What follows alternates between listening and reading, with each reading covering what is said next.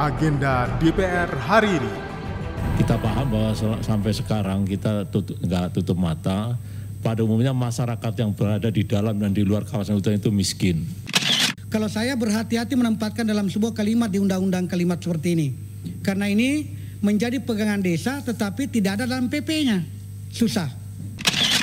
Kembali Anda ikuti agenda DPR hari ini, Kamis 22 Juni 2023, bersama saya Doni Suprianto. Kita mulai dengan agenda pertama. Pada pukul 10 waktu Indonesia Barat, Badan Legislasi menggelar rapat panja penyusunan rancangan undang-undang tentang perubahan kedua atas Undang-Undang Nomor 6 tahun 2014 tentang desa. Rapat yang dibuka oleh Ketua Balek Supratman Andi Aktas ini mengundang beberapa penanya dari masing-masing anggota. Di antaranya adalah dari fraksi Gerindra, Darori Wonodipuro, kita paham bahwa sampai sekarang kita tutup, nggak tutup mata.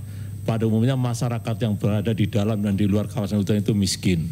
Akan nelayan 80% miskin. Ini akibat uh, kepedulian kita, ya kita itu pemerintah dan DPR itu yang kita perjuangan bertahun-tahun itu tidak ada realisasi. Nah ini saya sarankan kami sudah membuat narasi di pasar 4A itu ada lima item termasuk penjualan karbon nanti. Kalau uang karbon mau di itu juga akan dibagikan ke kabupaten segu kabupaten membangun desa. Ya. Nah nanti saya kira ini ke kabupaten dan provinsi. Contohnya kemarin saya contohkan Tangkuban Perahu, Bupati Subang dan Bandung Barat itu protes terus. Sementara itu, anggota balik lainnya dari fraksi Golkar, Supriyansa, menanyakan tentang masih adanya salah persepsi antara perangkat desa terkait masalah tunjangan desa. Dan penerimaan lainnya yang sah, kalau saya usulkan Kalimat ini tidak ada dalam penjelasan yang mana dikatakan pendapatan desa yang sah. Tidak dijelaskan secara runut. Kalau saya berhati-hati menempatkan dalam sebuah kalimat di undang-undang kalimat seperti ini.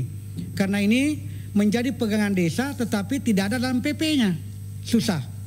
Nah makanya kepala desa biasa terjerat ditangkap oleh aparat penegak hukum karena dia menganggap bahwa kalau saya mengerjakan sendiri ada sisa uangnya kelola maka itu saya bisa bisa saya gunakan di tempat lain. Begitu digunakan seperti itu, dia dicerat.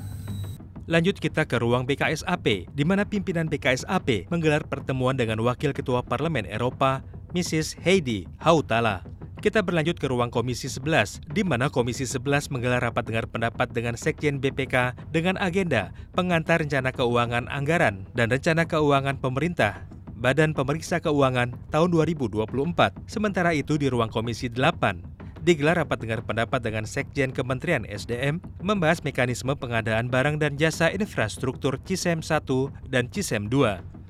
Sampailah kita kepada agenda terakhir di hari ini, di mana pada pukul 14 waktu Indonesia Barat, Komisi 7 DPR RI menggelar rapat dengan Dirjen Minerba dan PT Antam membahas progres blok Mandiodo di Sulawesi Tenggara.